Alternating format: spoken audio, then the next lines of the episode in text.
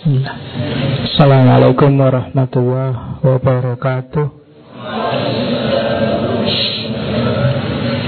Bismillahirrahmanirrahim.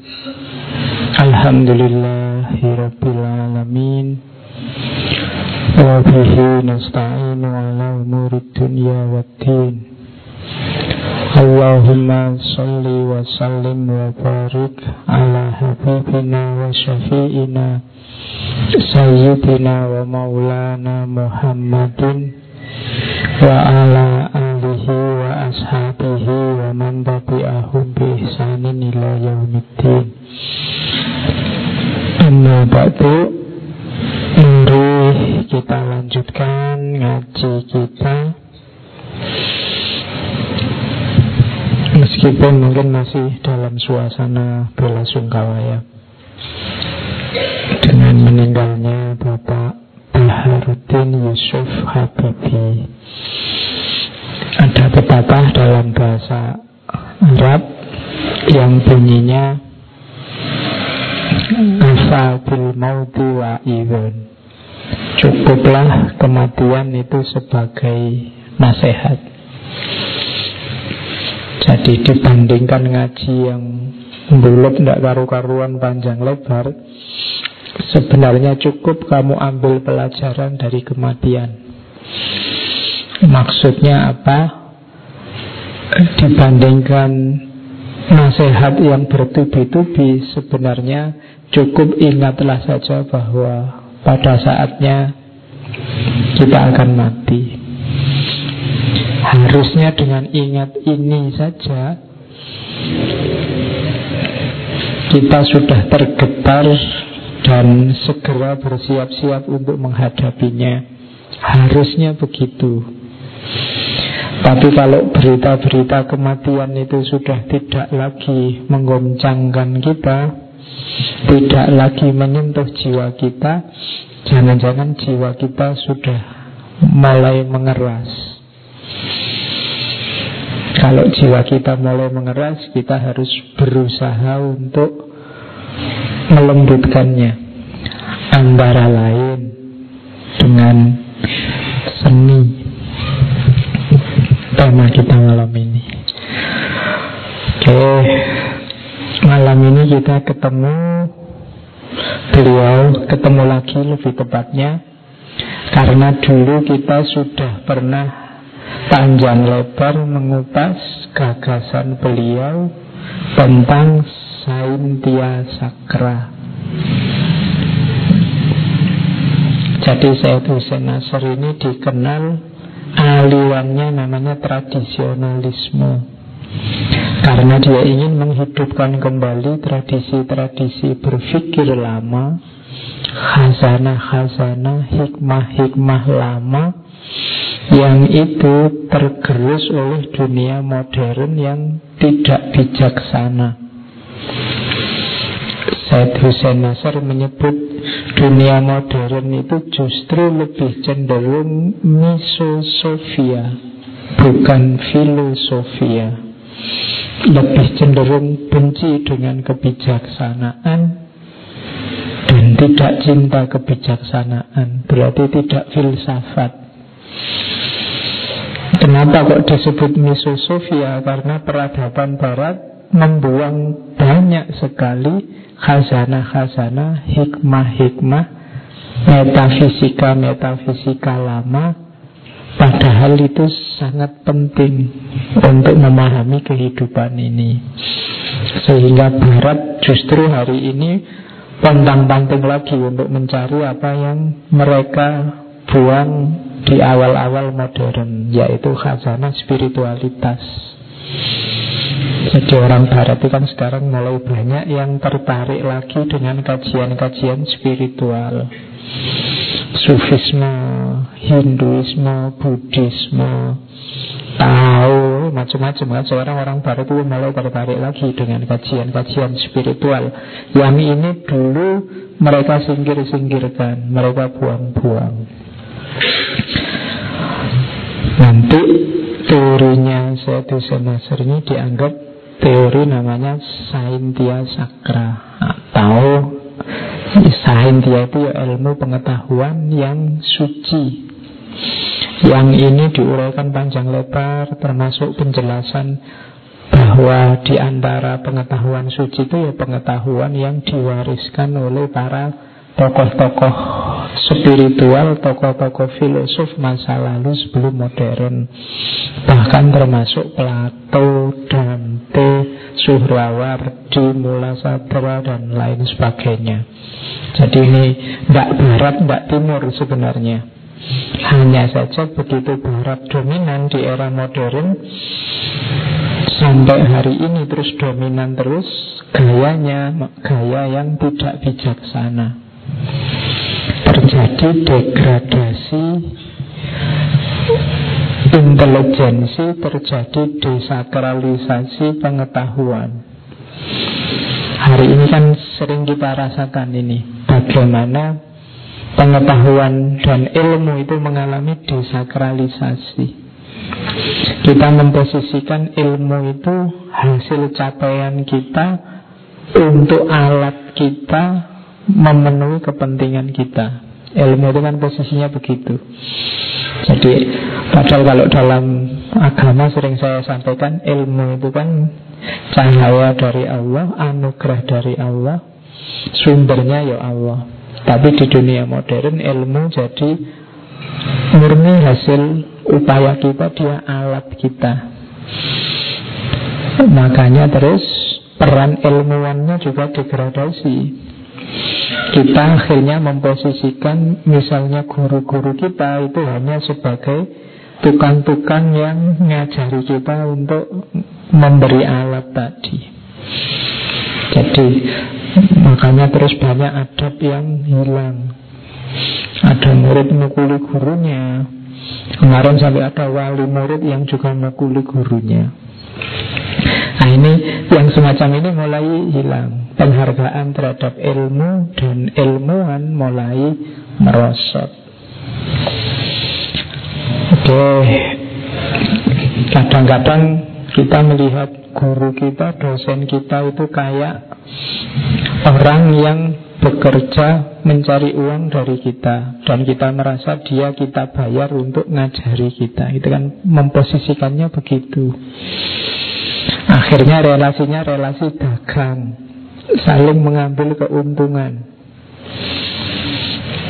Kamu tidak mau dirugikan Terus dosenmu, gurumu juga ingin ngambil keuntungan apa dari dirimu Misalnya kamu diposisikan sebagai jalan untuk karirnya jalan untuk biar dia dapat gaji dan seterusnya. Maka gaya-gaya semacam ini, ekonomisme, kemudian materialisme itu kan gaya-gaya barat modern, mendegradasi sakralitas ilmu pengetahuan.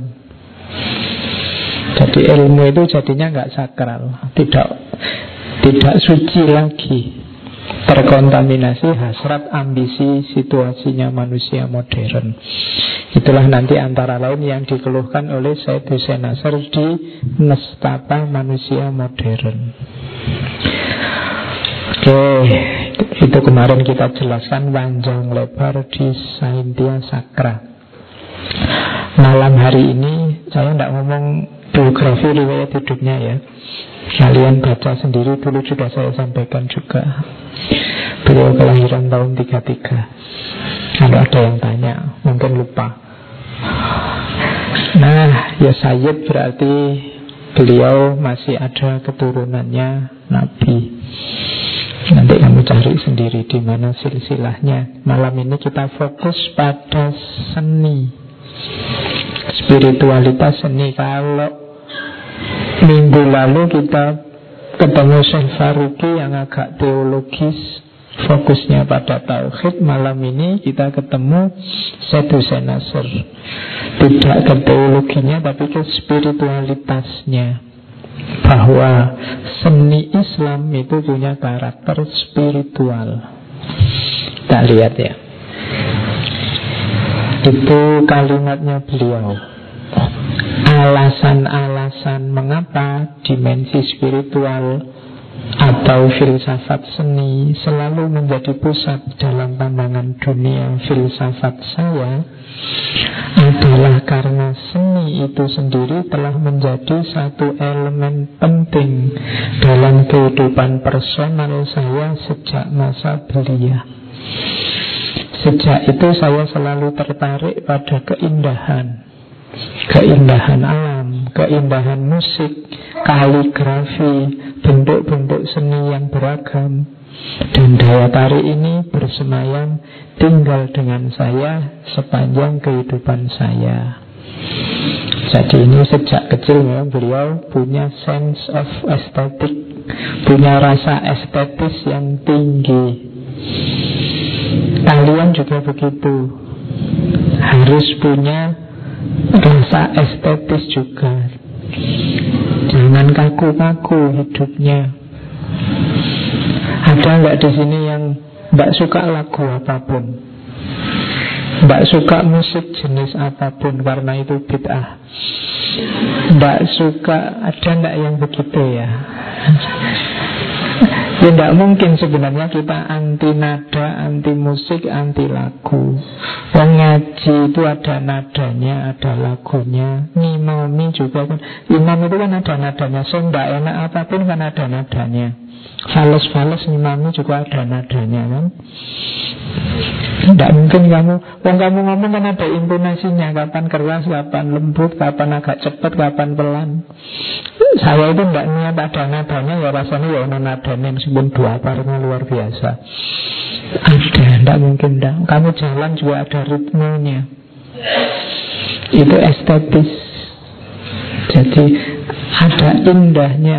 Kamu pakai baju kan juga mikir pantas apa enggak, cocok apa enggak. Itu rasa estetik. Meskipun kamu bilang saya cuek aja pak. Meskipun nggak match juga nggak apa-apa Pokoknya kelambon misalnya. Tapi ya tetap sedikit-sedikit juga kamu pikir. Meskipun enggak Mungkin ada yang sangat serius Ada yang tidak Itu rasa estetik. Pastikan bahwa jiwamu masih lembut Saya bilang di depan tadi. Jiwa yang lembut itu ciri paling gampang adalah Kamu masih bisa nangis Masih bisa sedih masih bisa tertawa bahagia, masih bisa gembira. Itu ciri paling mudah menunjukkan jiwamu lumayan lembut. Karena ada orang itu ketawa susahnya luar biasa. Sedih juga rasanya kok tidak pernah sedih Orang ini lempeng Terus itu juga tidak enak juga Kalau diajak guyon itu tidak bulu beluas Temennya sudah ketawa-ketawa dia Allah gitu aja ketawa. Tidak enak ya kalau ada teman kayak gini. Nonton film sedih Yang lain nangis ikut Air matanya bercucuran Kamu ah gitu aja yang film aja kok. Gitu. Ya susah ya. Jiwamu harus agak lembut Untuk bisa menangkap yang maha lembut. Kalau kamu kaku terus Keras terus agak susah. Kamu masuk ke dunia lembut. Dunia batin itu kan dunia yang lembut. Jadi kondisikan jiwamu siap untuk menerima kelembutan. Antara lain lewat musik. Makanya lewat seni. Makanya para sufi itu kan banyak yang pakai media. Ada yang pakai syair ada yang pakai tarian ada yang pakai lagu ada yang pakai nih kan itu masih. Jadi itu apa? Untuk menyentuh jiwa. Karena kadang-kadang orang itu kalau cuma diceramai saja tidak nyenggol. Tapi begitu dengar lagu tiba-tiba dia nangis. Mungkin kamu nonton apalah nonton film terharu misalnya terus kamu nangis nonton Iron Man kok mati ya masya Allah itu kok tidak ada yang ngirimi fatihah misalnya kamu kan terus nangis. Aha, jadi berarti kamu masih-masih bisa disentuh jiwamu. Ada orang yang jiwanya sama sekali tidak bisa disentuh. Terlanjur keras. Nah, saya itu saya Nasir Memang menjelaskan sejak kecil saya memang sudah tertarik dengan ranah estetika, dengan seni.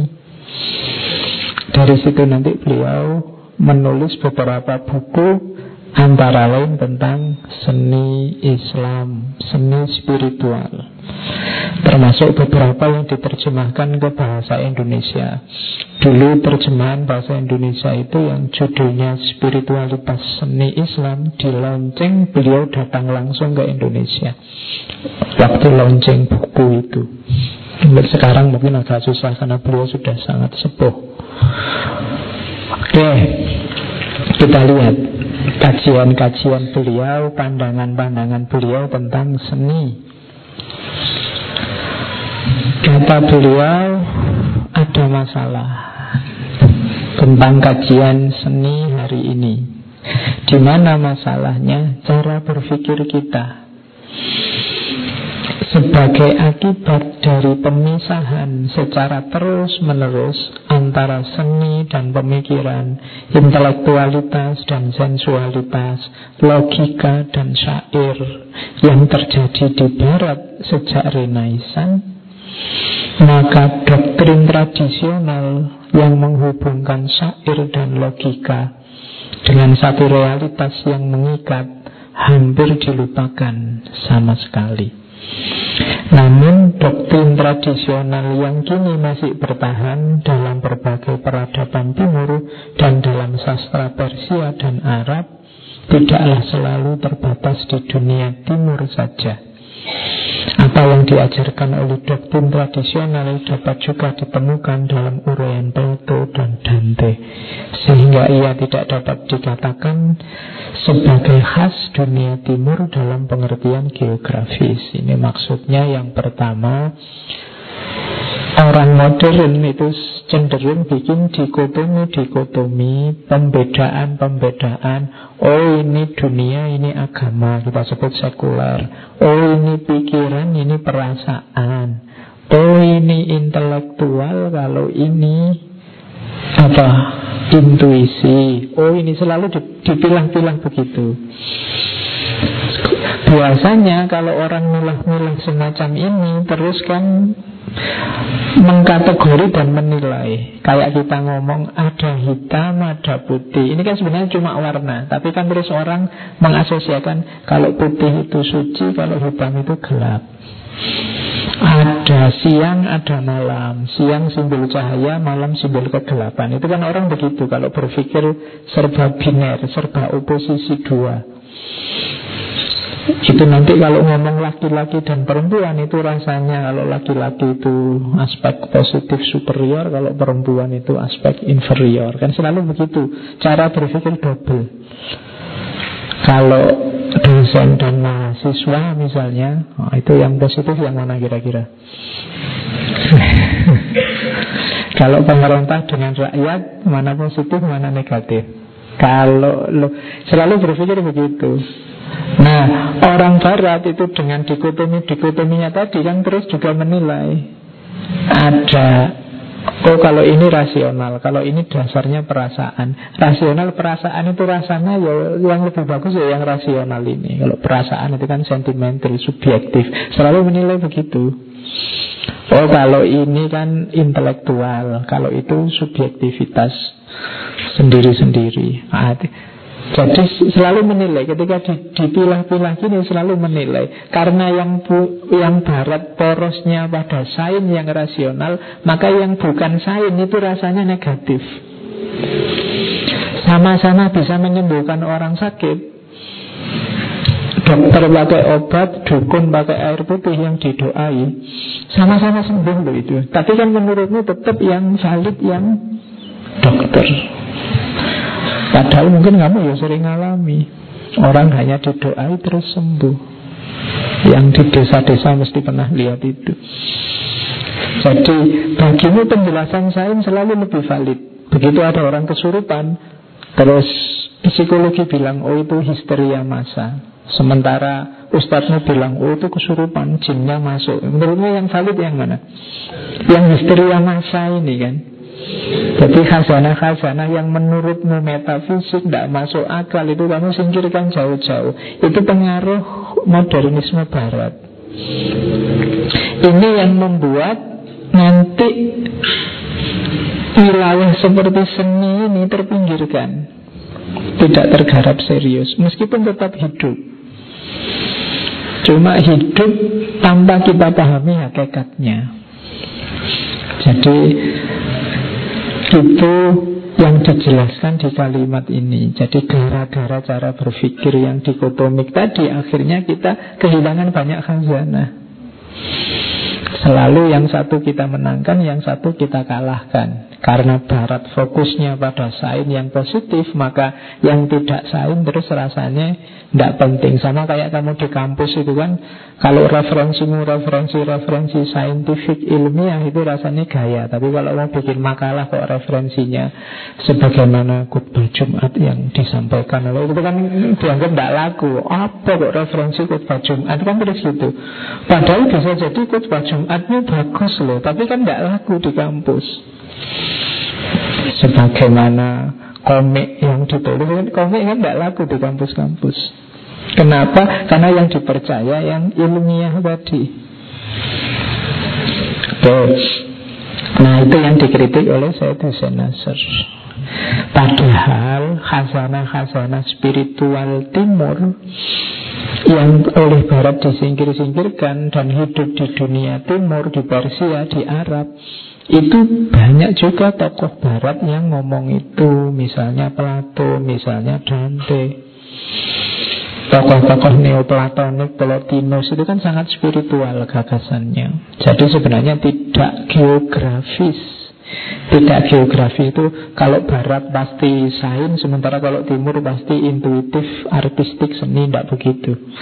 Barat juga banyak yang begitu. Sebenarnya kalau orang mau jujur ya semua khazanah itu penting Tidak barat dan tidak timur. Cuma orang modern mendegradasi intelektualitas hanya pada ranah rasional saja Nah, itu problemnya itu. Makanya disebut akibat pemisahan yang terus menerus kita sejak kecil dijejali ini. Sehingga cara berpikir kita berubah. Terus Nah sekarang kita masuk ke materinya. Karakter seni Islam. Oke ya Yang pertama dalam Islam tidak ada. Jadi seni kenapa disebut seni Islam? Ya di situ mengandung ada hubungannya dengan religiusitas dengan agama Islam. Dan harus diingat dalam Islam tidak cuma seni segala hal itu bisa jadi religius. Itu istimewanya Islam tidak ada kok dipisah Ini urusan dunia, ini urusan agama. Semuanya bisa jadi urusan agama. Misalnya saya minum ini. Ini sebenarnya kan urusan dunia Karena saya haus. Tapi begitu saya bilang Bismillahirrahmanirrahim.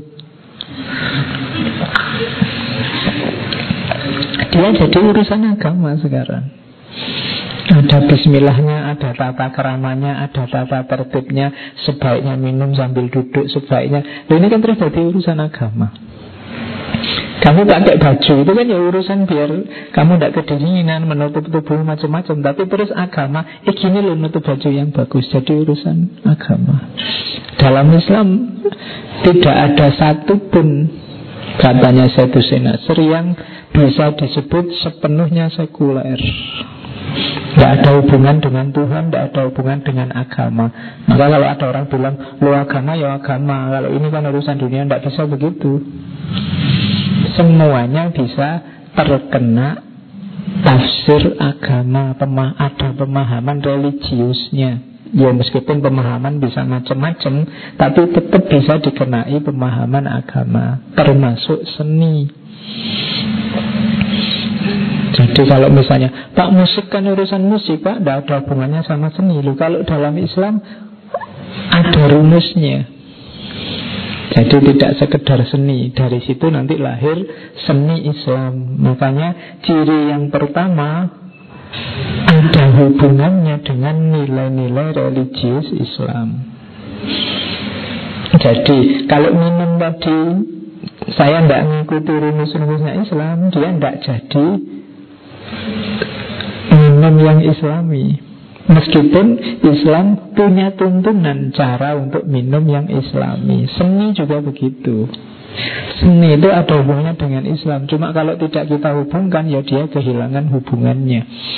Jadi mencerminkan nilai religius. Yang kedua Seni Islam itu dalam sejarahnya itu saya gabung ya dua sama tiga langsung berhubungan dengan tiga hal yang pertama masjid, yang kedua istana, dan yang ketiga sufisme. Ada seni masjid. Seni masjid itu yaitu ini istilah saja. Seni masjid itu misalnya baca Al-Quran, kaligrafi. Ini seni masjid. Adan, ini seni masjid. Ngaji dengan langgam-langgamnya, ini seni masjid. Ada seni istana Seni istana kalau dulu ya. Jadi pelindungnya ini istana Sair, lagu-lagu Kemudian selawatan dengan grup musik. Ini kalau bahasa saya Dusun Nasir ini seni istana. Biasanya yang melindungi, yang menyelenggarakan ya Pakai izin istana, direstui oleh istana, dijalankan lewat istana. Jadi ada seni masjid, ada seni istana, ada sufisme. Kalau sufisme ini bisa menggabungkan dua-duanya. Dalam sufisme itu seni masjid ada, seni istana ada. Ada tarinya, ada lagunya, ada ngajinya juga, ada macam-macam semuanya ada. Cirinya seni sufisme apa? Kesantunan. Kalau bahasa itu Kualitas spiritual yang bersifat santun Jadi spiritualitas dan akhlak Jadi itu ciri spiritualitasnya Jadi seni Islam itu ada gaya masjid Ada gaya istana Ada gaya sufisme Nah tinggal kamu kamu lihat ini di luar ini berarti harus dicek lagi apa benar itu karakter seni Islam. Jadi kalau kamu lihat di TV misalnya ada grup masjid apa itu kalau di suatu senasar berarti istana itu yang ngurusi. Tapi kalau kalam ilahi pembacaan ayat suci Al-Quran itu seni masjid. Kaligrafi itu kan tulisan Al-Quran Khot itu masih seni masjid Kadang-kadang memang campur antara masjid sama istana. Tapi untuk memudahkannya dibedakan itu seni level masjid sama seni istana plus spiritualitas sufi. Jadi sufisme itu kaya katanya Syed Nasr dengan seni. Hampir separuh khazanah seni Islam itu muncul dari ranah sufisme Yang jadi benchmark yang dilihat oleh suatu Nasr adalah Persia Persia luar biasa dengan karya-karyanya. Kan kita akrab dengan beliau-beliau para sufi Jalaluddin Rumi, Ibnu Arabi dan macam-macam. Oke, jadi Seni Islam itu yang pertama Seni yang berhubungan dengan ajaran Islam.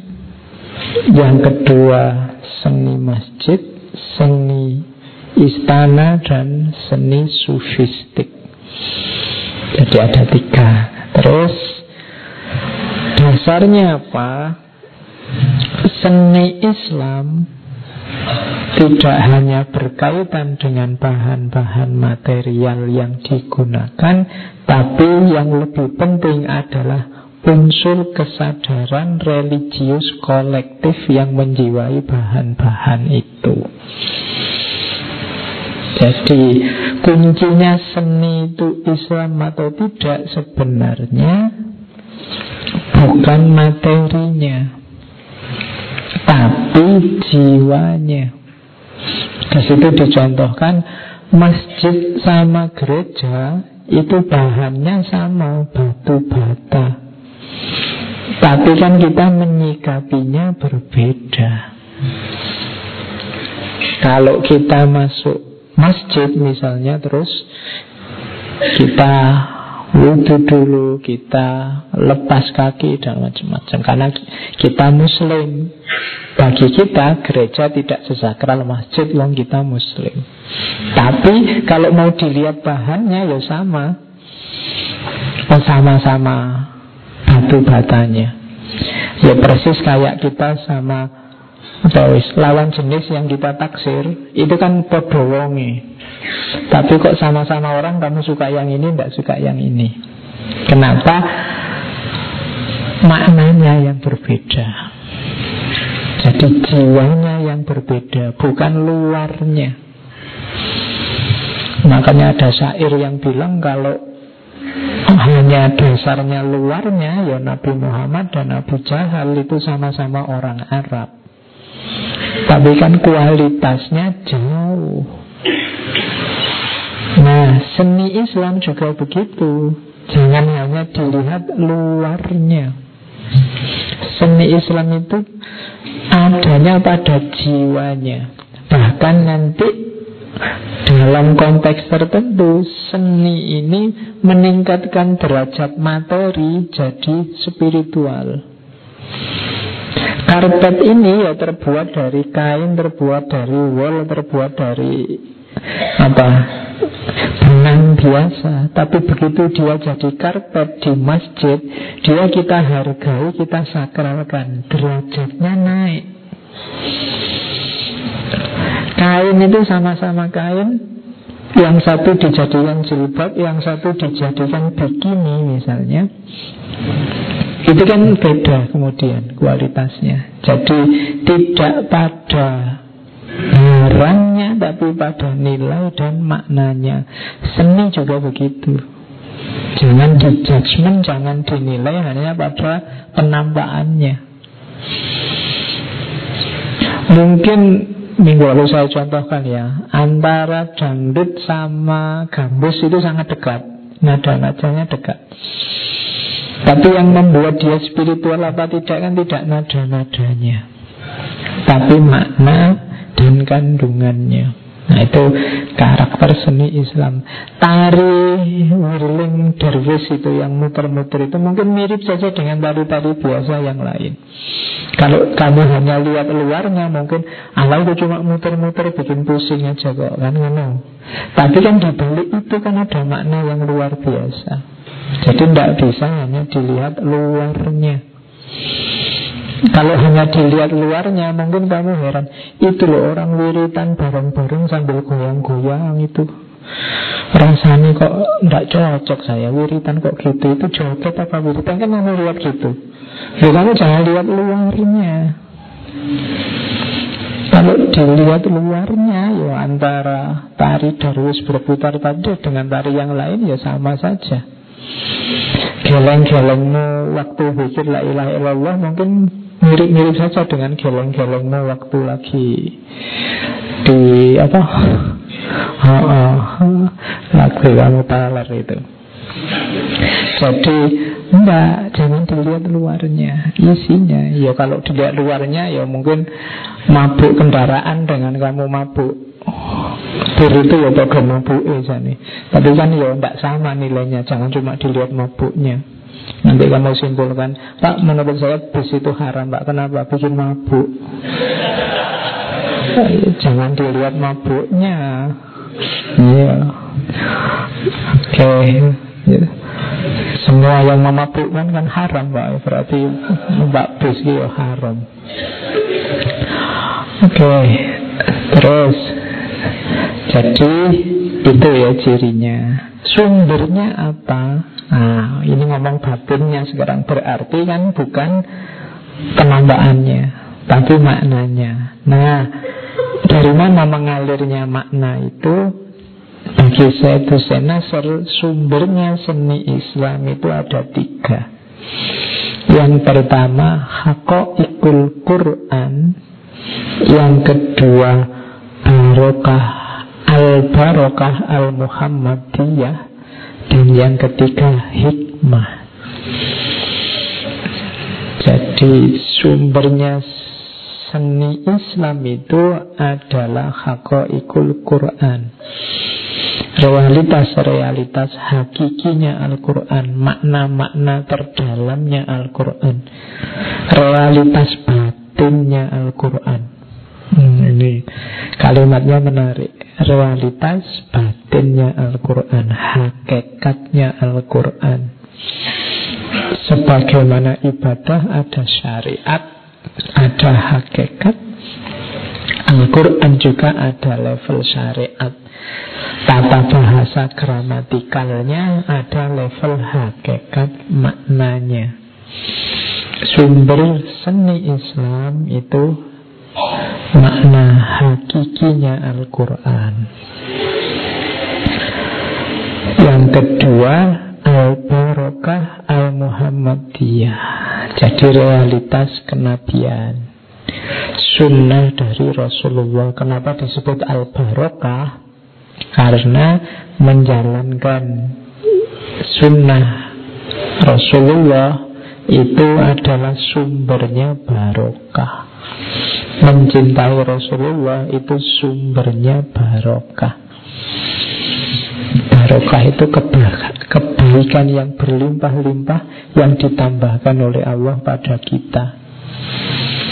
Al-Barokah Muhammadiyah berarti barokah berlimpah yang diberikan oleh Allah pada kita karena kecintaan kita kepada kanjeng Nabi. Sangat banyak seni Islam yang lahir karena sebagai ekspresi cinta dari kanjeng Nabi.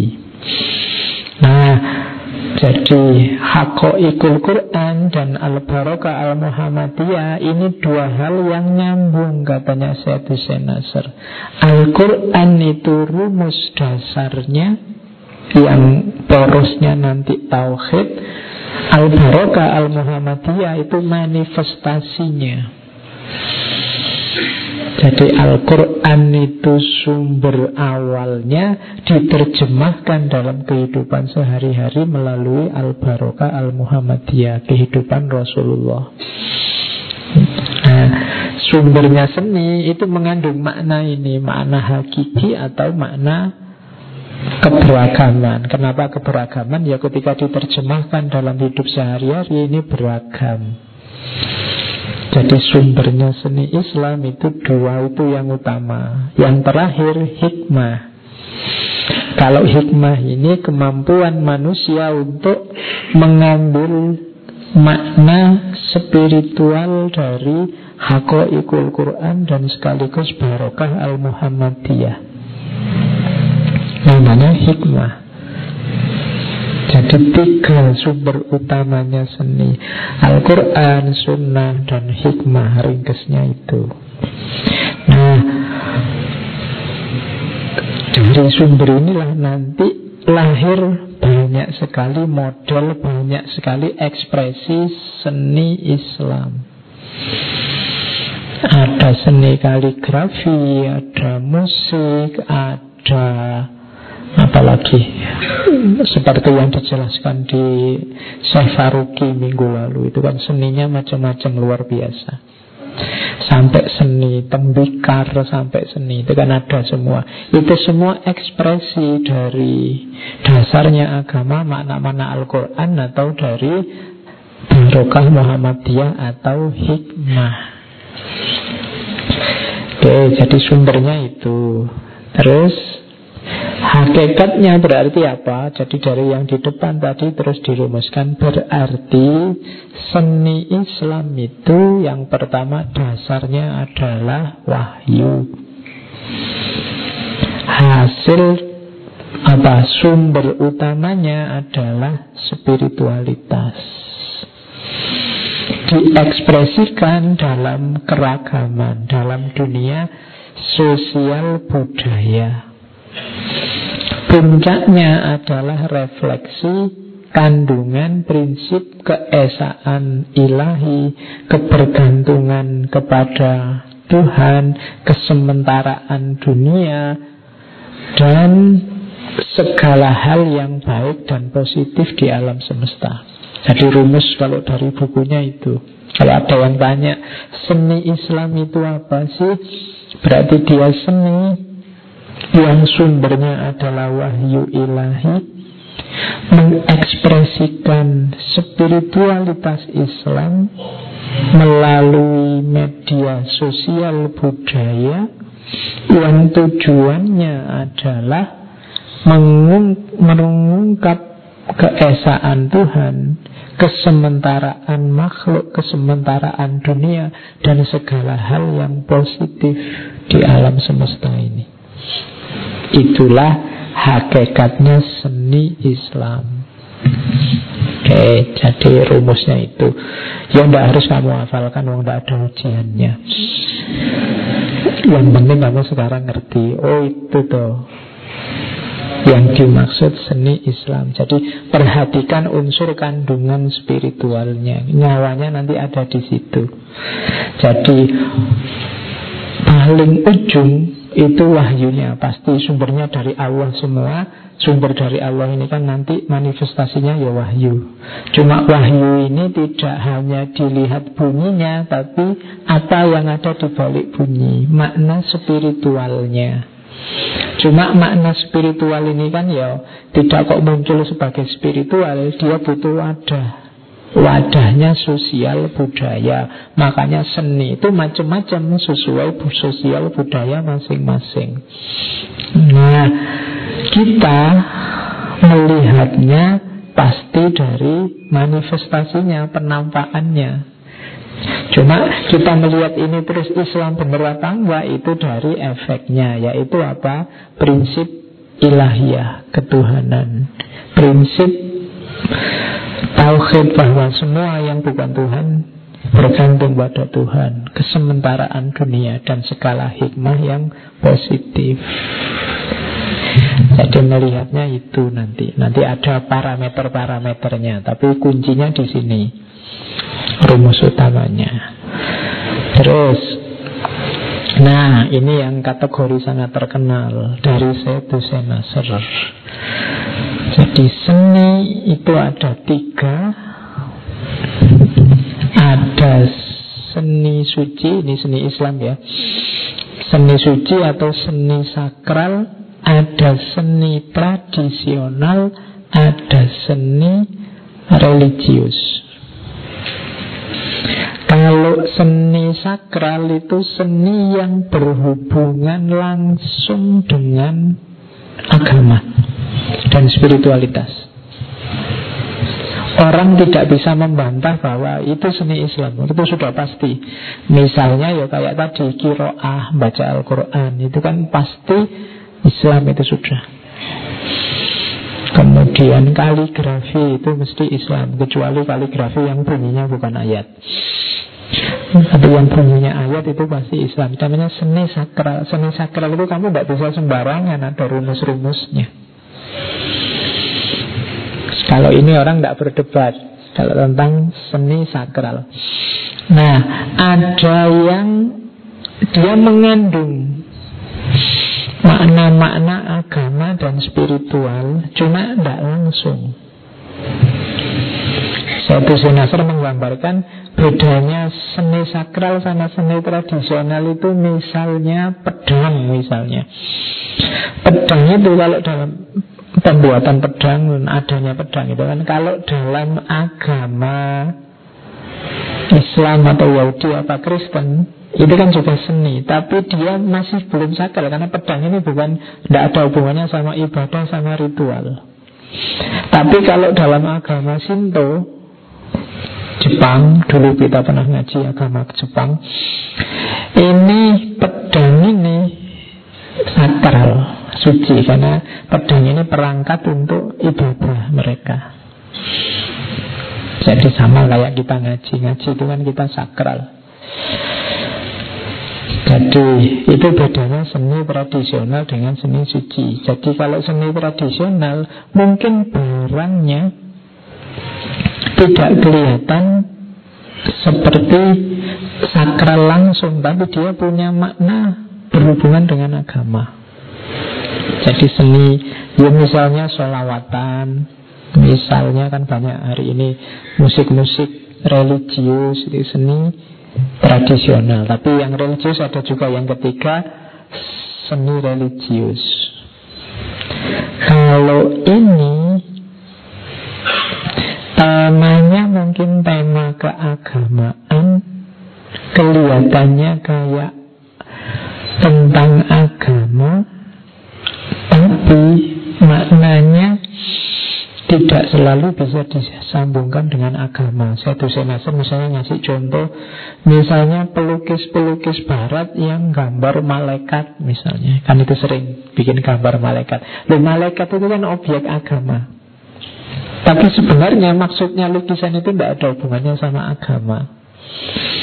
Nah, itu namanya seni religius. Jadi mungkin kalau pakai bahasa kasar ya seni religius itu tampilannya ada tampilan tentang religiusitas, tapi maknanya bisa tidak mengarah ke agama.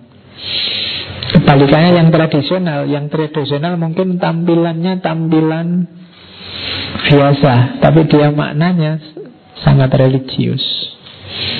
Mungkin lagunya ya lagu biasa, Bahkan tidak ada kata-kata Arabnya sama sekali. Pakai bahasa Indonesia semua Tapi maknanya sangat dalam, sangat religius. Nah itu seni tradisional. Kalau yang religius itu tadi Maknanya masih bisa tidak religius Meskipun tampilannya tampilan religius. Kamu nyari contoh sendiri-sendiri ya. Kalau saya menyebut contoh nanti mau anggap Sarah. Nanti rame jadi boleh contoh dewi mana seni sakral, mana seni tradisional, mana seni religius. Ya masih ada satu lagi sebenarnya cuma tidak dipanjang lebarkan oleh Sedu Senaser ya seni profan. Kalau seni profan itu ya seni biasa tidak ada hubungannya sama sekali dengan agama. Ya musik-musik yang nggak mungkin kamu dengarkan tiap hari itu ya seni profan. Oke ya. Kadang-kadang juga penyikapan kita juga menentukan. Ada yang ini mungkin sebenarnya bukan musik religius Tapi begitu masuk ke telinga kita itu terus jadi religius sekali Itu bisa. Jadi maknanya jadi sangat agama. Misalnya kamu mungkin dulu Waktu di masjid Di kampungmu waktu kecil yang kamu dengarkan lagu-lagu dangdutnya siapa? Haji Oma Irama atau siapa? Itu kan begitu. Sekarang mendengarkan lagu itu kamu terbayang masa lalu terus kamu astagfirullah dulu aku murni sekali sekarang kotor sekali terus kamu pengen tobat. Padahal itu mungkin tidak ada sambungannya dengan itu. Nah itu seni yang khas juga. Jadi ada hubungannya dengan subjeknya Mungkin subjeknya sangat profan Tapi orang menangkapnya jadi sakral. Sakral berdasarkan pengalaman hidupnya Kan kamu sering kan nonton apa wis yang jadul-jadul mungkin zaman kamu kecil ada film apa, ada kartun apa terus kamu nonton kamu terharu. Masya Allah ini aku kecil dulu ini masih aku masih imut, masih tanpa dosa, masih yang terus kamu sekarang kok jadi kayak gini ya. Itu kan dia jadi jalan menuju religiositasmu. Nah, bisa semacam itu. Oke. Makanya ada teori yang menyatakan selera estetik, selera termasuk selera seni itu sebenarnya ada hubungannya dengan sejarah. Kenapa kalian suka apa? Dulu yang kamu kecil mungkin apa kalau zaman saya itu jaya-jayanya nasi daria, jaya-jayanya bimbo, jaya-jayanya ini. Kalau kalau kalian kan mungkin angkatannya, sopo kalau sekarang Sabian, Gambus itu kan angkatanmu itu. Terus mungkin zaman OP gitu ya Levelmu kan zaman itu. Kamu mendengarkan itu tersentuh Tapi mungkin karena saya orang lama Mungkin masih lebih tersentuh yang lagu-lagu lama. Tapi usahakan rasa tersentuh ini tetap hidup ya Biar tidak keras hatimu. Jadi kamu kalau masih bisa dengerin lagu terus terbawang masa lalu terus nangis itu berarti lumayan masih hidup jiwamu. Apalagi yang terbawang mantan lama itu wah dulu berdua dengerin lagu ini zaman aku itu pas penari-penari lagu ini loh itu kan masih, masih ada berarti masih masih bisa disentuh jiwamu. Oke, terus, nah sekarang prinsipnya. Kalau tadi kan macam-macamnya. Yang pertama, prinsipnya seni Islam itu adalah ya paling akhir memang tauhid. Tapi implikasi dari itu apa adalah kesatuan kosmos dan metakosmos di balik prinsip ketuhanan. Jadi metakosmos itu maksudnya apa sih? Kalau dalam dunia tasawuf alam ini kan dimensinya banyak. Kalau orang barat tadi ngertinya ya alam ini alam semesta ini yang materi ini Padahal di balik alam yang materi ini ada lagi alam gaib Ada alam malakut, ada alam jabarut, ada alam roh Yang puncaknya adalah realitas primordial Yang hubungannya sama Tuhan. Alam-alam ini sebenarnya satu kesatuan. Puncak porosnya adalah ketuhanan Allah. Nah prinsip seni Islam adalah seni yang Ini kayak Syekh Faruqi minggu lalu Yang puncaknya adalah Tauhid Menegaskan ketauhidan Menegaskan kesatuan keesaan Allah Dan sekaligus kesetaraan semua makhluknya termasuk kosmos dan metakosmos. Metakosmos itu berarti alam di balik kosmos yang kita diami ini. Jadi ini jadi alam kita ini multi dimensi meskipun beda multi dimensi tidak sama kayak multiverse itu ya kayak di film apa Avengers itu ada alam bisa bolak balik berubah-ubah. Tidak itu memang ada alam lain kalau di sufi itu nanti ada level-levelnya. Ada yang level 7, ada yang level 12, macam-macam. Nah, semuanya tetap di level mana pun, level apa pun itu menegaskan prinsip kesatuan Allah dan kesatuan makhluk. Kesatuan makhluk itu maksudnya makhluk ini setara semuanya. Contohnya apa? Seni yang semacam itu misalnya masjid. Masjid itu kan arsitekturnya luar biasa Tapi rasa ketauhidannya ada Misalnya masjid itu kan cenderungnya kosong Masjidnya besar kayak gini kan Tapi terus di dalamnya kan tidak ada apa-apa Kamu masuk sini tidak ada mebel Tidak ada kursi, tidak ada meja Itu kamu masuk ke ruang yang besar Masuk ke ruang kosong Ruang hampa Tapi penuh makna ini kayak menjelaskan dunia bahwa dunia ini kekosongan. Dunia ini tidak ada artinya. Nah, terus ada juga ya termasuk kedamaian. Kemudian ada tiang-tiang, kolom-kolom, ada lengkungan-lengkungan. Ini menjelaskan dinamika dunia, menjelaskan rintangan-rintangan hidup dan macam-macam. Jadi masjid itu dibikin kayak gini tidak kok iseng cuma bikin ruangan buat sholat Para ulama menyusutnya dengan rasa estetik Islam yang penuh makna Jadi setiap detailnya ada maknanya. Dulu para wali membangun Masjid Demak misalnya dengan struktur semacam itu Percayalah setiap lekuk detailnya ada makna dan maksudnya Bagi yang belajar arsitektur Jawa yang belajar tentang makna-makna simbolik dalam budaya Jawa itu nanti maknanya setiap hal itu ada maknanya. Masjid juga begitu. Nah maknanya prinsipnya ini yang pertama paling tidak Jadi kesatuan kosmos dan metakosmos dibalik prinsip ketuhanan Prinsip pertama ini. Jadi Jadi kalau ingin memahami seni Islam Coba pertama-tama arahkan ke situ. Ada konotasi ke sini? Tidak pasti biasanya ada. Karena cirinya seni Islam itu. Yang kedua kesatuan hidup individu dan masyarakat yang diatur oleh syariah. Jadi seni Islam itu biasanya menyesuaikan dengan aturan hidup gaya Islam.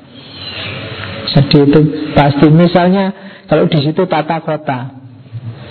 Tata kota itu kan luar biasa, hampir semua kalau ada yang jeli di tata kota Islam itu selalu ada di situs istana, jejer masjid, jejer pasar. Terus biasanya terus alun-alun. Itu kreasi semacam ini sebenarnya ada makna-makna simboliknya. Jadi kebutuhan tata hidupnya umat Islam dijelaskan dengan tata kota yang semacam ini. Misalnya seni bikin sarung misalnya Sarung itu kan dibikin secara estetik sedemikian rupa Biar memudahkan orang Indonesia yang mau sholat Berkembang lagi sekarang seni sarung itu Kalau dulu cuma dikerukupkan itu Sekarang ada yang celana sarung Kemudian saya tidak tahu mungkin besok ada lagi inovasi baru apa tentang sarung. Loh, inovasi-inovasi estetik ini menyesuaikan dengan syariah.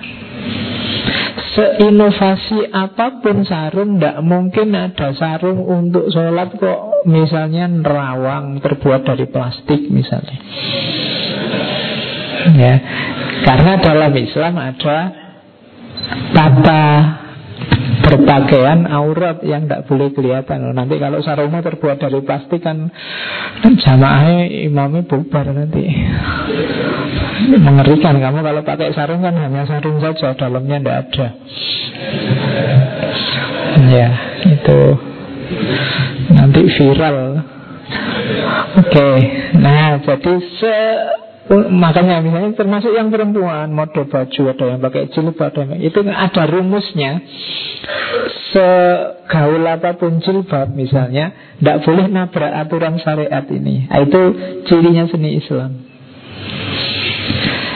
Sekreatif apa pun seniman muslim gambar misalnya Ya jangan gambar yang gitu-gitulah Kan ada aturannya sendiri.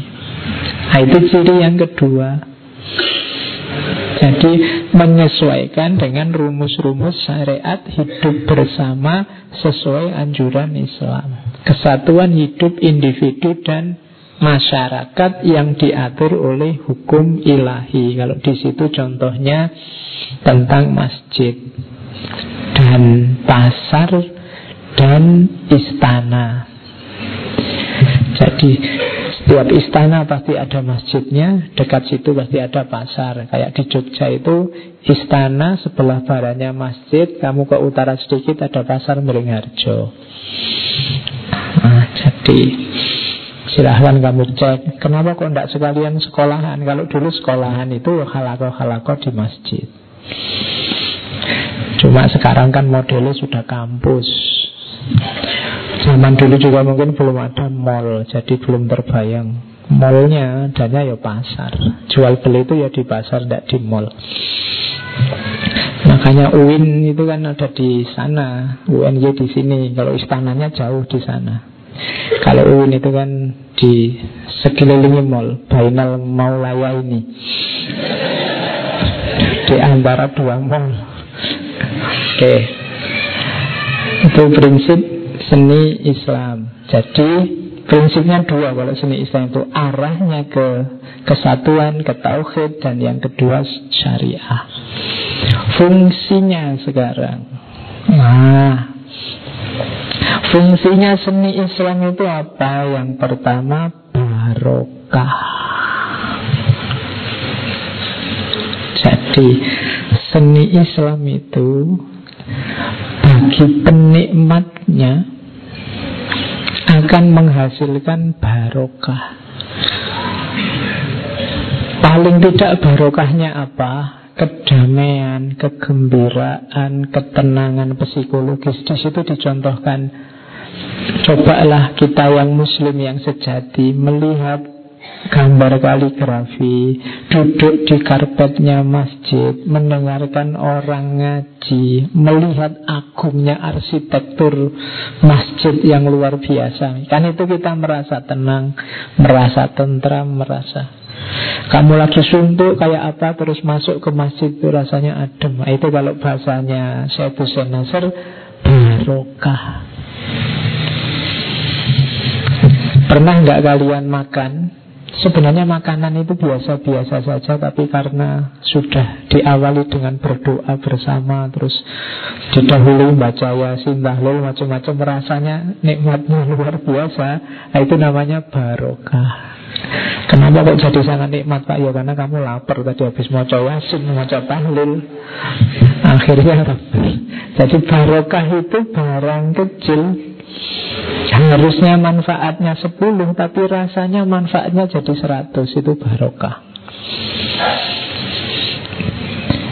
Kamu satu bulan sama orang tuamu dikasih uang berapa? Kalau dibagi 30 hari Itu harusnya dalam sehari cuma sekian. Tapi rasanya kamu bisa menikmati lebih dari itu. Itu berarti sangunya orang tuamu itu barokah jadi fungsinya seni Islam yang pertama itu barokah. Sebenarnya lagu itu cuma ngomong ini loh.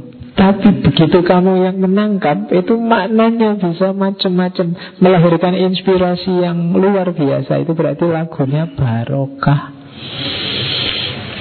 Sebenarnya ngaji ini yang diomongkan yaitu itu aja diulang-ulang. Tapi setiap kali mendengar kamu punya gagasan baru, punya ide baru, punya Berarti ngajinya barokah. Banyak cerita kan santri-santri di pesantren yang Waktu ngaji itu Yude tidak paham juga Kiainya ngomong apa Ustadz ngomong apa Pokoknya ikut saja ngaji. Tapi begitu pulang Dia bisa ngajar bisa menyampaikan ulang, bisa jadi ustadz juga kayak meskipun di pondok dia merasa lemah. Kenapa? Itu namanya barokah. Mungkin kamu waktu kuliah IP-nya tidak bagus-bagus amat Tapi tiba-tiba lulus kok terus jadi dosen Dan bisa ngajar Nah itu namanya barokah Jadi Kalau manfaat Itu 100% kalau barokah itu tambahannya. Makanya barokah itu sering disebut ziyadatul khair Tambahan yang baik. Seni juga begitu. Sebenarnya ini kain biasa, benang biasa Tapi begitu dia jadi karpetnya masjid Dia membawa barokah banyak hal. Kamu bisa nah, rumusnya barokah itu macam-macam. Coba usahakan setiap yang kamu miliki jadikan barokah. Harta benda itu biasanya barokahnya kalau kamu murah hati rajin sedekah. Ilmu itu barokah kalau kamu membuahkan ilmu itu lewat kemanfaatan-kemanfaatan tak cuma dihafalkan. Apalagi Pokoknya segala hal coba usahakan barokah. Makan itu barokah kalau kamu ajak-ajak teman. Iya, loh nikmat sendirian itu lebih asik kalau nikmatnya bareng-bareng. Nabi Ibrahim itu tidak pernah makan yang tidak ngundang orang Selalu ngajak teman. Makanan satu orang itu sebenarnya bisa untuk dua orang Makanan dua orang bisa untuk tiga orang Coba aja kamu tradisikan itu. Setiap kali makan ada temanmu Yuk ikut makan. Kemungkinan dia tidak mau sih Tapi kamu kan sudah niat. Meskipun kamu ya kadang ya cuma basa-basi. Ya Kalau orang Jawa kan gitu Wah wah itu. Ya gitu. Kita tahu lah kalau itu cuma nawarinya basa-basi. Atau kamu boleh tes sekali-sekali ya Kalau ada temanmu Yuk ikut makan. Terus kamu ikut beneran Ayo aku ikut Ya. Itu bisa muncul masalah itu. Besok kalau makan sembunyi dia. Oke. Kamu coba ya biar apa-apa jadi barokah. Jadi barokah itu nanti kebaikannya kembali padamu. Berkali-kali lipat. Itu namanya barokah. Seni Islam juga begitu. Sebenarnya dia cuma hal biasa, suara biasa, barang biasa Tapi begitu di balik itu mengandung makna spiritual, mengandung makna tauhid, kemanfaatan, hikmah, maka pada akhirnya dia akan membawa barokah, kebaikan dalam segala aspeknya yang terus bertambah. Jadi fungsi pertama ini untuk ngecek apakah seni itu Islam beneran, antara lain dia barokah. Yang kedua, seni Islam itu di antara buktinya adalah di antara dia berfungsi atau tidak, apa pun bentuknya mengingatkan orang kepada Allah, kehadiran Tuhan. Jadi kalau ada lagu apa pun, syair apa pun, tulisan apa pun yang begitu berinteraksi denganmu terus Allah yang hadir dalam dirimu, maka dialah ciri seni Islam. Itulah. Jadi yang kamu merasakan Allah hadir atau begitu lihat seni itu, kamu langsung ingat Allah. Nah itu berarti di antara fungsinya seni Islam. Jadi orangnya teringat Allah. Orangnya merasa Ya kayak kalau ada orang ngaji Al-Quran luar biasa terus Subhanallah. Itu karena orang jadi ingat Allah. Seni apa pun Apakah itu musik Apakah itu lagu Apakah itu syair Apakah itu hanya kaligrafi Kamu teringat Allah. Berarti dia seni Islam. Cuma ini syaratnya memang jiwamu adalah jiwa yang senantiasa berpikir. Senantiasa ingat Allah. Karena kadang-kadang seninya sih sangat religius kalimat-kalimatnya kalimat tauhid semua. Tapi begitu kamu mendengarkan mental kenapa jiwamu keras? Tidak bisa disentuh. Nanti ada orang istighfar kalimatnya Salawat la ilaha illallah Kamu malah sebel. Halah berisik amat gitu kan. Itu bisa kan kayak gitu Nah, memang jiwamu tidak bisa ditembus. Cuma ini membicarakan jiwa yang memang sudah nyambung sama Allah. Jadi begitu kita berhubungan dengan seni tadi, langsung Allahnya bangkit dari diri dalam dirinya. Nah, itu berarti ciri dari seni Islam. Karena yo orang Islam itu kan memang di antara cirinya melihat apa pun, jangankan yang seni yang biasa saja, itu kan harusnya selalu mengingatkan pada Allah.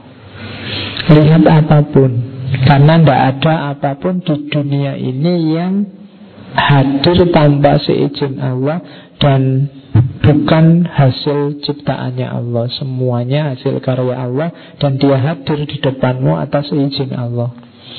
Harusnya kamu melihat apa pun Ingatnya sama Allah. Itu kalau ritme hidupmu sudah ritme Allah. Hanya saja kita memang terlalu banyak Menjauh dari cahayanya Allah Sehingga sering kali Allah tidak hadir Tidak kita hadirkan. Setiap kali ada hal-hal yang seharusnya itu membuat kita ingat Allah. Tadi di depan kita nyatakan bahwa kafa bil mauti wa idhon Cukuplah dengan maut sebagai nasihat. Itu pun kadang ada orang meninggal kita tidak kaget, tidak ingat Allah. Si pelarang kecelakaan lagi loh oh, Terus kamu kan tidak sibuk ingat Allah nggak sibuk videonya mana Beritanya mana Kan gitu.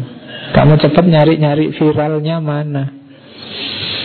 Tidak ingat Allah. Ada cerita KKN di desa. Kamu kan yang kamu cari itu desa mana? Mana? Kamu sibuknya ke situ. Tidak ingat bahwa Allah adalah penguasa segalanya Termasuk segala hal yang gaib. Itu semua peristiwa. Kalau jiwamu selalu berpikir Pasti akan mengingatkan pada Allah.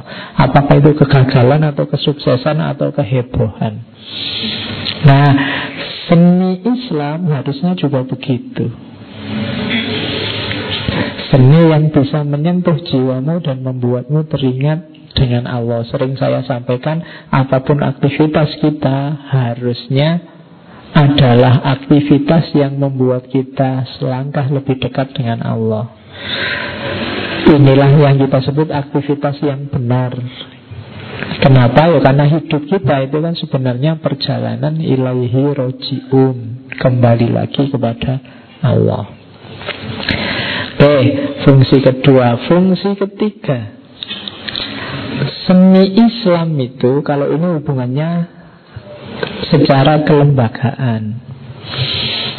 Seni Islam itu bisa jadi parameter ukuran untuk menentukan apakah sebuah gerakan sosial, kultural, politik di, di apa di dunia kita, di sekitar kita itu benar-benar otentik Islam atau hanya menggunakan simbol Islam sebagai slogan.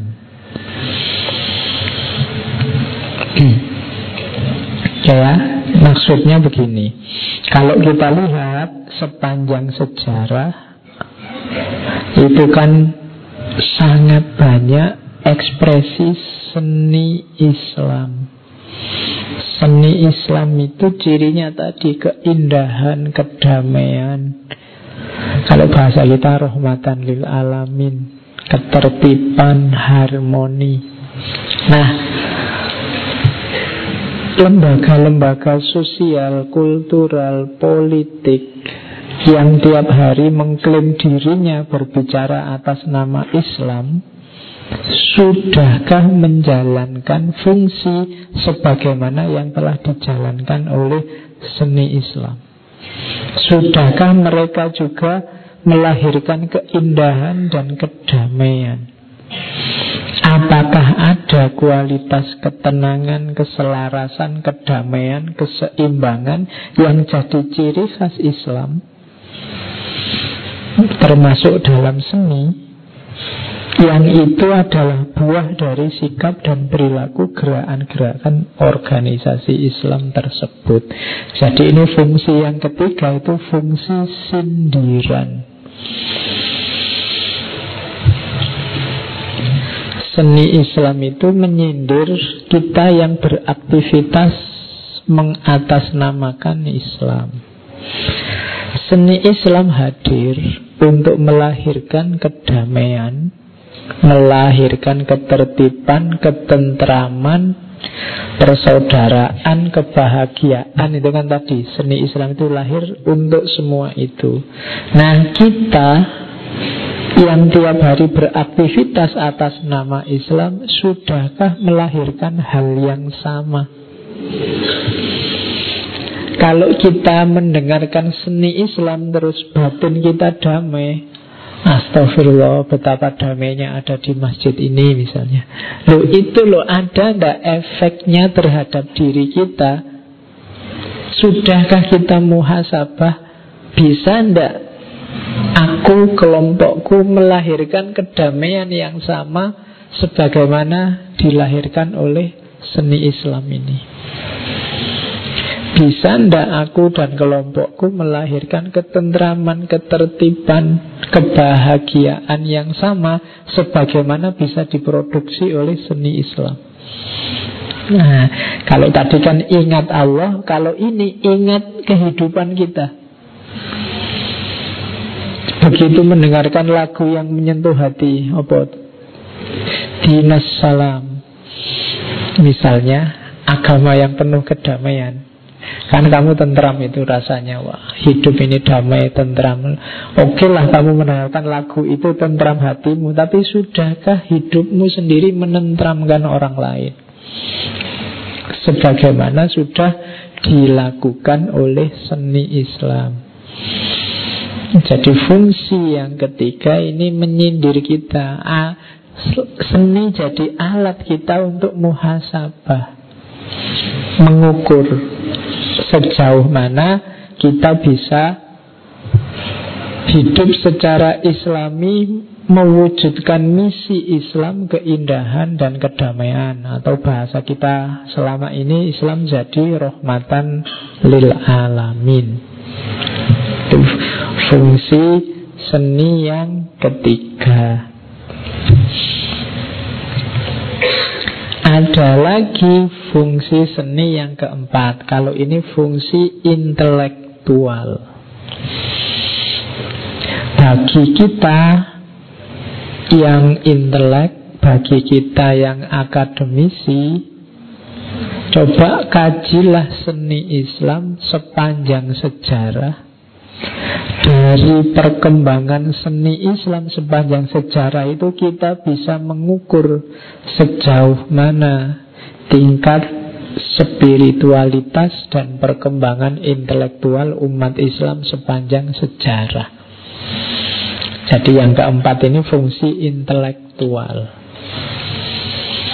Jadi jangan salah, seni tidak sekedar hiburan, tidak sekedar aktivitas sambil lalu di dunia Islam. Dia bukan mengisi kekosongan.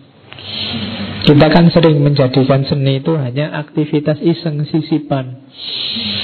Ada seminar terus sambil menunggu waktu silahkan grup musiknya main. Jadi musiknya main terus kamu makan, kamu dicuaki sama sekali musiknya.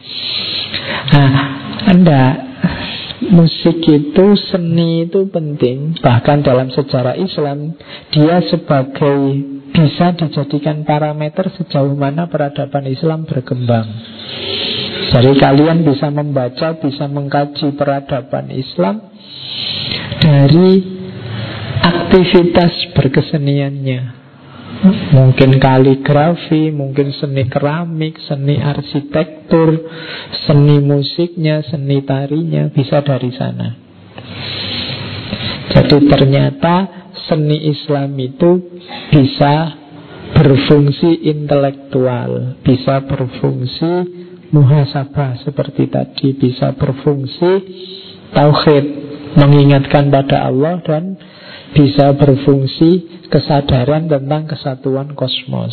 Jadi ada empat fungsi yang dimainkan oleh seni Islam yang spiritual.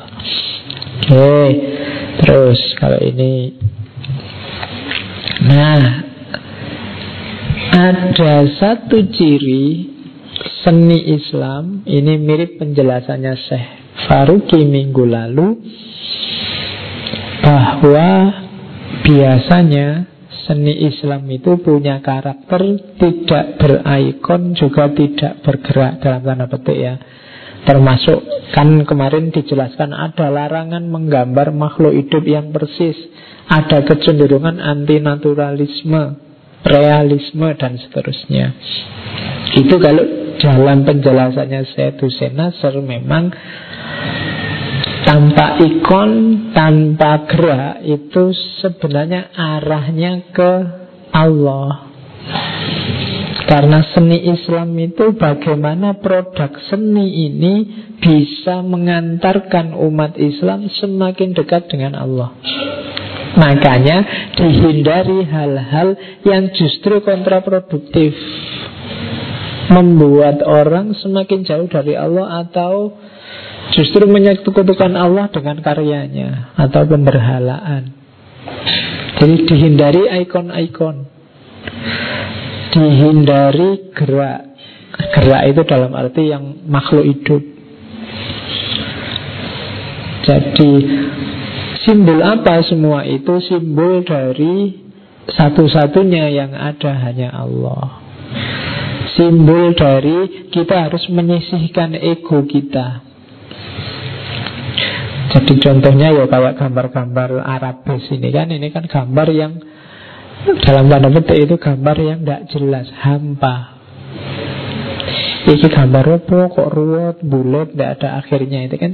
Ini menunjukkan sebenarnya arahnya Kamu melihat hasil karya seni apa saja Jangan berhenti di karya seni itu Karena dia hanya kendaraanmu untuk sampai pada Allah. Jadi di situlah Terus para ulama, para seniman muslim berkarya dengan patokan ini. Mereka sebisa mungkin menghindari jangan sampai ada karya yang membuat orang terpesona hanya pada karya itu. Karena setiap karya dimaksud untuk membuat orang semakin dekat dengan Allah. Jadi rumusnya sebenarnya cuma itu.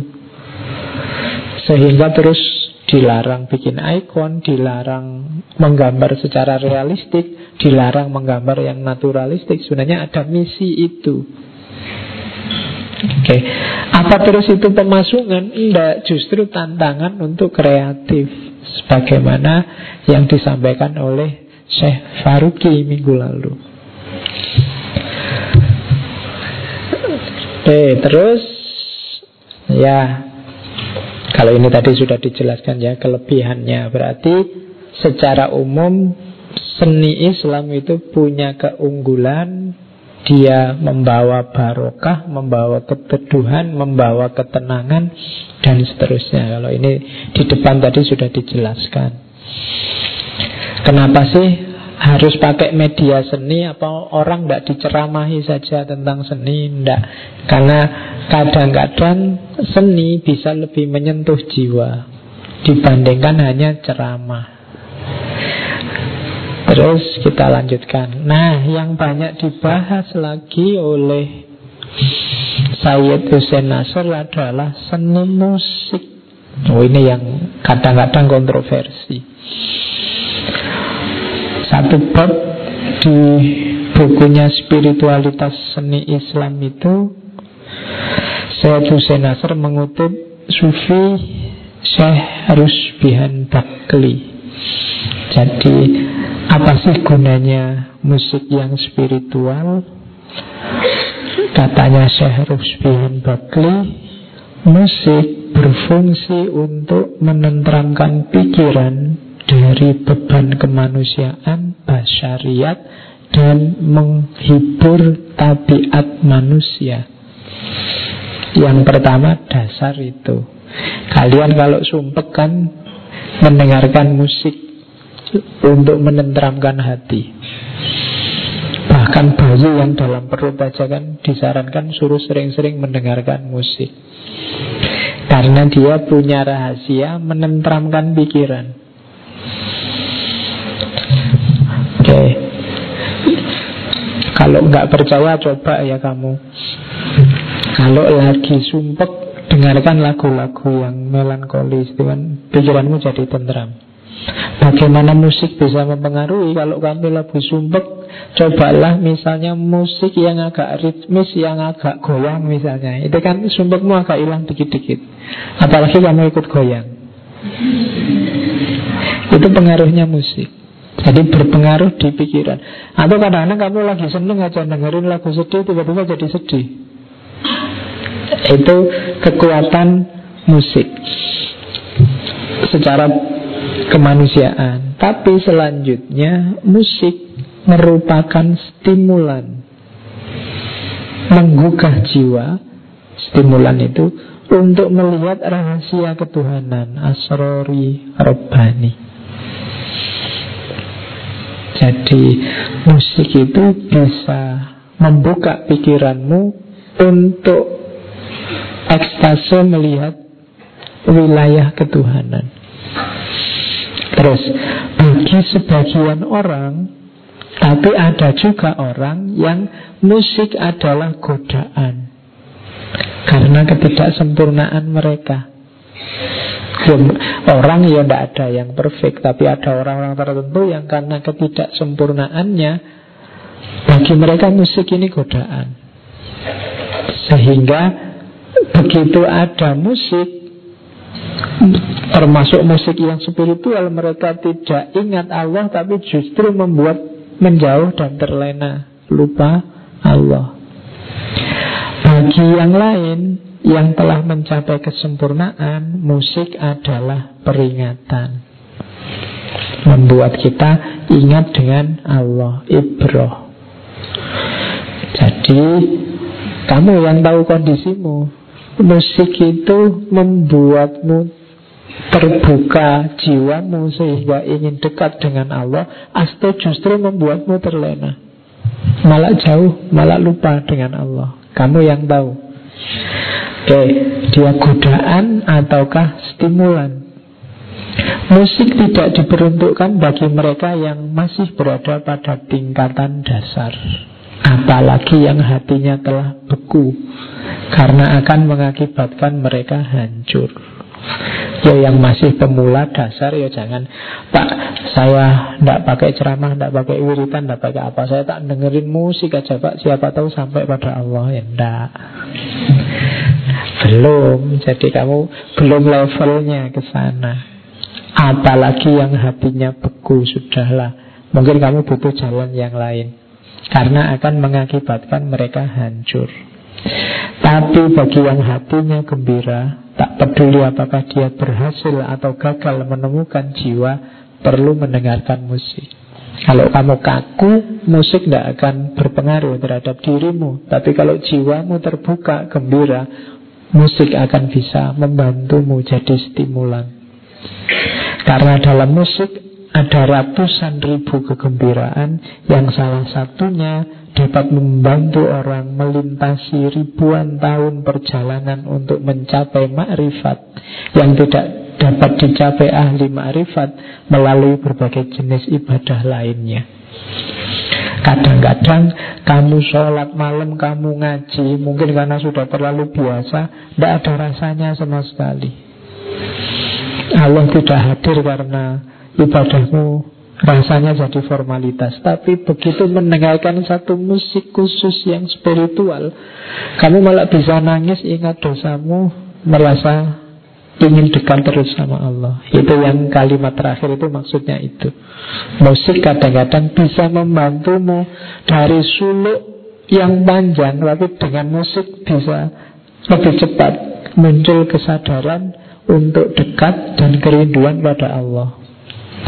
Kamu baca sholawat balik-balik tidak tersentuh, tidak bisa menjangkau keberadaannya kanjeng Nabi. Tapi begitu mendengarkan lagu sholawat yang agak melodis terus tiba-tiba kamu nangis merasa rindu sama Rasul. Nah, itu jadi yang kamu usahakan mati-matian lewat suluk mungkin tidak berhasil, tapi lewat musik bisa berhasil. Itu di antara yang disampaikan oleh Syekh Rusbihan Wakli Tapi juga kamu harus bisa membaca levelmu dulu Karena kayak tadi kalau masih pemula bisa malah menghancurkanmu Makanya di beberapa toreko tertentu kan jalan suluknya pakai musik Bahkan wirid pun dilakukan secara ritmik Ada ritmenya, ada lagunya Kiai-kiai pesantren itu kadang baca tahlil aja kan enak didengarkan ada lagunya. Karena begitu ada lagunya itu lebih masuk. Mungkin kamu masih terngiang-ngiang bacaannya Pak kaummu di kampung dulu waktu tahlilan Pak ustadzmu itu kan? Karena apa? Nadanya lagunya. Oke. Terus Nah Maka perhatikan seni musik yang spiritual ada beda-beda peruntukan. Yang pertama orang awam. Orang awam itu orang yang masih dikuasai hawa nafsu dan masih dikuasai oleh sifat dasarnya. Masih mudah lalai, ilmunya belum cukup, dan hawa nafsusnya masih menang. Orang yang semacam ini hati-hati karena musik akan dia dengarkan lewat jalur itu semua. Jadi hawa nafsunya yang mengemuka Hasratnya, ambisinya yang bunyi duluan jadi mendengarkan musik untuk melayani kebutuhan-kebutuhan dasarnya tadi yang masih mudah lalai, mudah tergoda. Makanya tadi dibilang yang masih dasar harus hati-hati. Jadi jangan ujuk-ujuk musik pokoknya Pak gitu. Masih banyak step yang harus diperbaiki sebelum tiba-tiba masuk ke ranah musik spiritual. Levelnya level masih awam. Ada lagi level 2 Level 2 ini level khawas. Level khawas ini yang sudah naik kelas tidak lagi tergoda oleh nafsu Sudah waspada, sudah dekat dengan Allah mendengarkannya dengan hati. Levelnya level pencarian, maka musik adalah jalan untuk menegaskan hati, mencari dan bertemu dengan Allah. Itu orang yang levelnya khawas. Jadi Mudahnya kalau pakai terminologi sufi Orang di level awam Ini orang yang masih harus takholi Dia masih harus membersihkan dirinya Dari kotoran-kotoran batin. Kalau batinnya belum bersih Musik hanya akan membuatnya jauh dari Allah. Jadi mendengarkan musik Mungkin hanya membuatmu terlena saja. Mungkin kamu tergoda oleh musiknya atau tergoda oleh penyanyinya Akhirnya jatuhnya hanya mengidolakan grup musik atau penyanyinya Kenapa bisa begitu? Jiwamu belum nyampe memang, belum siap Sebenarnya musik ini sangat spiritual, sangat religius. Kamu bisa jadikan dia jembatan untuk semakin dekat dengan Allah. Cuma karena jiwamu belum siap, akhirnya yang lahir adalah justru dia semakin menjauhkanmu dari Allah. Misalnya kayak tadi, jadi idola-idola baru idol itu kan pemberhalaan-pemberhalaan. Nah itu bisa, maka takholi dulu.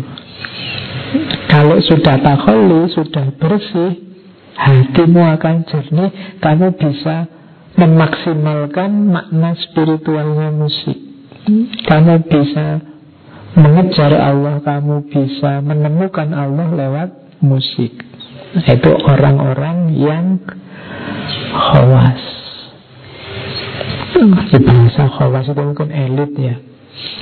Ada yang di atas elit elitnya elit khawasul khawas. Kalau orang-orang ini orang-orang yang mendengarkannya tidak pakai hati tapi pakai ruh pakai jiwa. Nah orang ini tidak lagi mencari tapi sudah ada di makom cinta. Di sufi tertentu orang yang sudah mengalami kesatuan Orang yang ada di level ini Musik adalah media dia Untuk berasik masuk dengan Allah. Misalnya sufi tertentu di aliran tertentu Waktu ada ritual-ritual sama misalnya. Itu musik itu jalan baginya untuk berkomunikasi Untuk asik bersama Allah. Nah ini hanya orang yang khawasul khawas saya tidak tahu kita ada di mana. Jangan-jangan kita awam aja belum. Jadi kita ini sebelum awam. Awam itu orang yang dikuasai oleh hawa nafsunya. Jangan-jangan kita tentang diri kita sendiri kita tidak tahu saya itu dikuasai nafsu apa tidak ya Pak. Itu kan berarti pra awam. Jadi kamu awam aja belum. Jadi kalau mau takholi kamu belum itu yang dibersihkan apa tuh Pak? Ini berarti kamu awam aja belum.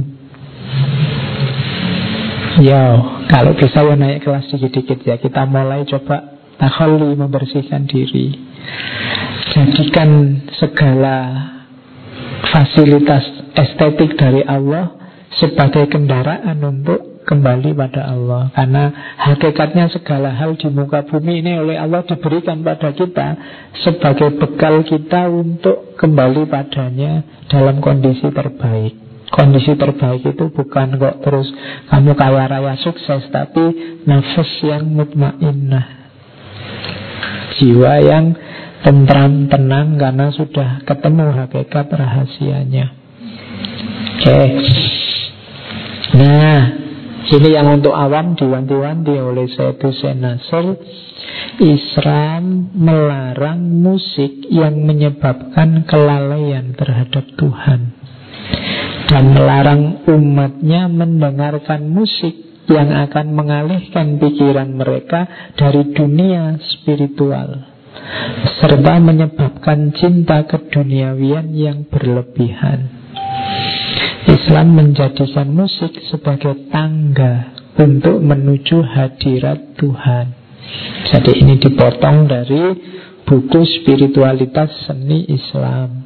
Jadi katanya saya senasor Parameternya gampang Kalau ada orang bilang musik itu boleh apa enggak Musik itu Hukumnya apa Itu kata Kalau jawaban versi saya senasor Kalau ini perspektifnya sufisme Bahwa Musik itu dilarang kalau dia menyebabkan orang lalai terhadap Tuhan Membuat orang teralih pikirannya dari dunia agama, dunia spiritual. Membuat orang cinta dunia berlebihan. Takut mati. Wah saya takut mati Pak. Kalau nanti mati tidak bisa dengerin musik lagi. Nah itu berarti musik membuatmu terlena. Tidak mau berpisah. Sebenarnya tidak cuma musik sih, segala hal itu tolong jangan posisikan seperti ini. Jangan ada satu hal pun yang melekat padamu, yang sifatnya duniawi, yang membuatmu lalai terhadap Allah, yang membuatmu cinta dunia, takut mati, yang membuatmu kehilangan rasa spiritual. Apa pun sebenarnya bukan musik. Kalau bisa, semua yang kamu miliki hari ini yang nempel padamu, apa pun itu, termasuk mungkin barangmu, termasuk mungkin statusmu sebagai mahasiswa, sebagai anak muda itu kan juga nempel padamu. Jadikan itu semuanya sebagai tangga menuju hadirat Tuhan. Jadikan semuanya kendaraan untuk menuju Allah. Kalau sudah bisa semacam ini berarti jalanmu sudah benar lanjutkan. Karena memang misi dan visi hidup kita itu kan ilaihi rojiun. Kembali lagi pada Allah. Terus Ah, ini ada penjelasan khusus tentang seni musik dan ahli ma'rifat. Menurut Sobu Senasor, sesungguhnya orang itu semakin tinggi pendakiannya ketika dia sampai puncak. Jadi sufi itu kalau sudah sampai puncak kesufiannya Ahli ma'rifat sejati katanya. Syedi Senasor Tidak butuh musik atau seni tradisional tertentu. Karena dirinya sendiri dan kehidupannya sendiri merupakan karya seni. Jadi orang yang Ini tidak saya baca, saya jelaskan saja. Jadi seorang sufi yang sampai puncak Kalau tadi kan kita yang biasa-biasa butuh diantarkan oleh musik untuk dekat dengan Allah. Bagi sufi yang sudah tingkatannya puncak, segala hal di alam semesta ini adalah musik. Kamu tidak harus nyari grup musik siapa. Segala yang ada di alam semesta ini adalah manifestasi dari kehadiran Tuhan. Segala suara adalah suara yang indah dari Allah.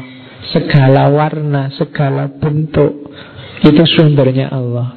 Jadi kalau bahasanya di buku itu pakai istilah alam semesta ini adalah konser spiritual. Jadi rasakan hidup sekeliling kita ini sebagai konser Dengarkan dan resapi kehadirannya di lingkungan sekelilingmu. Ahli makrifat sudah nyampe level ini dari di, jadi dia tidak perlu diantarkan oleh musik untuk sampai pada Allah. Musiknya apa? Ritme hidup sunnatullah yang ada di sekeliling kita ini musik. Seorang sufi yang bisa mendengarkan.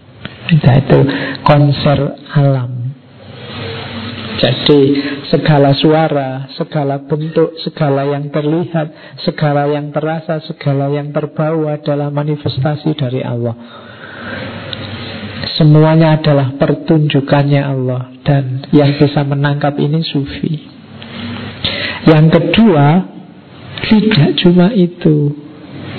Diri seorang sufi sendiri dalam tanda petik ya dapat digambarkan sebagai alat musik di genggaman tangannya Allah. Jadi sufi itu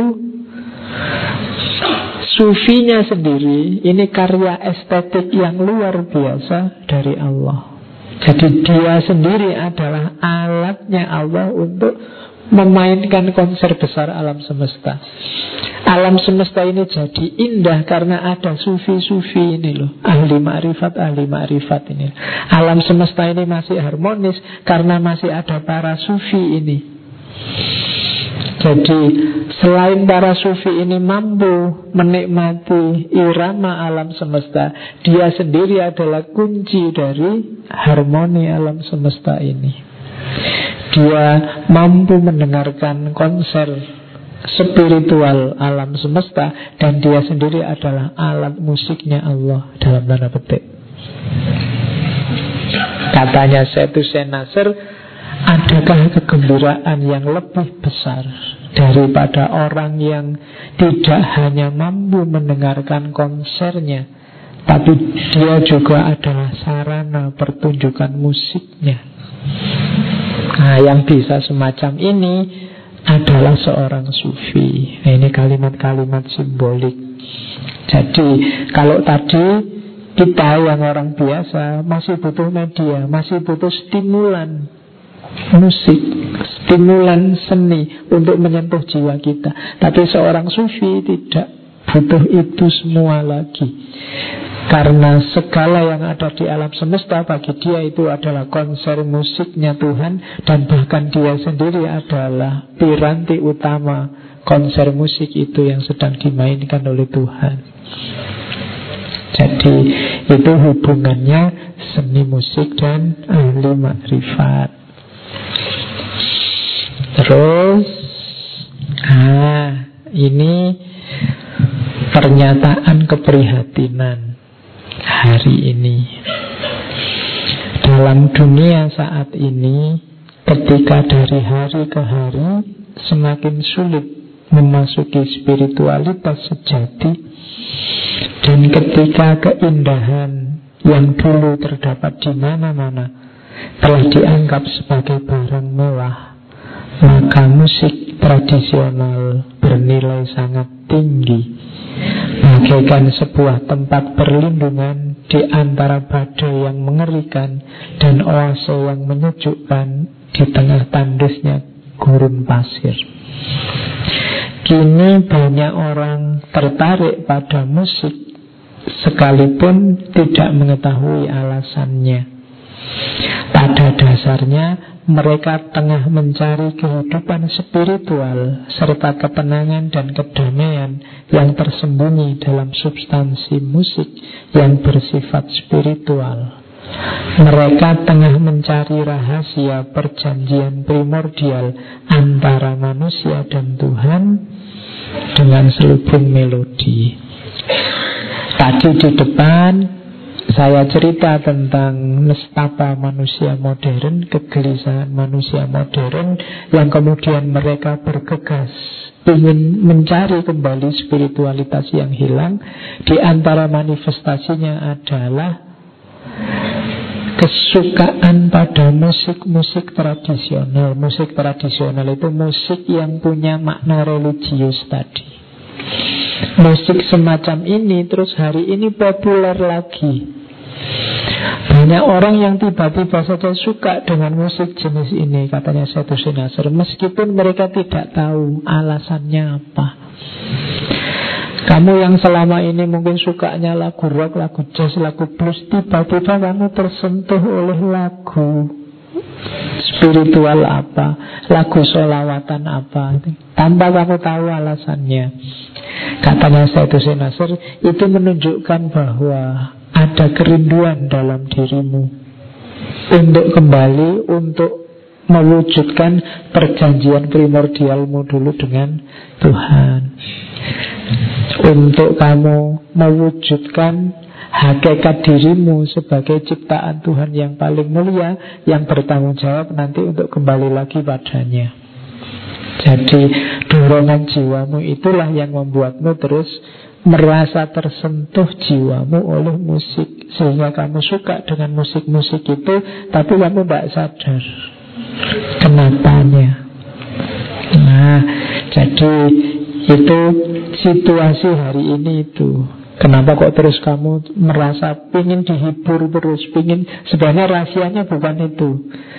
Sebenarnya jiwamu sedang merindukan yang hakiki yaitu Allah. Cuma karena kamu tidak tahu jawabannya, terus kehausanmu terhadap Allah itu kamu anggap ini sebenarnya kehausan terhadap musik, terhadap hiburan.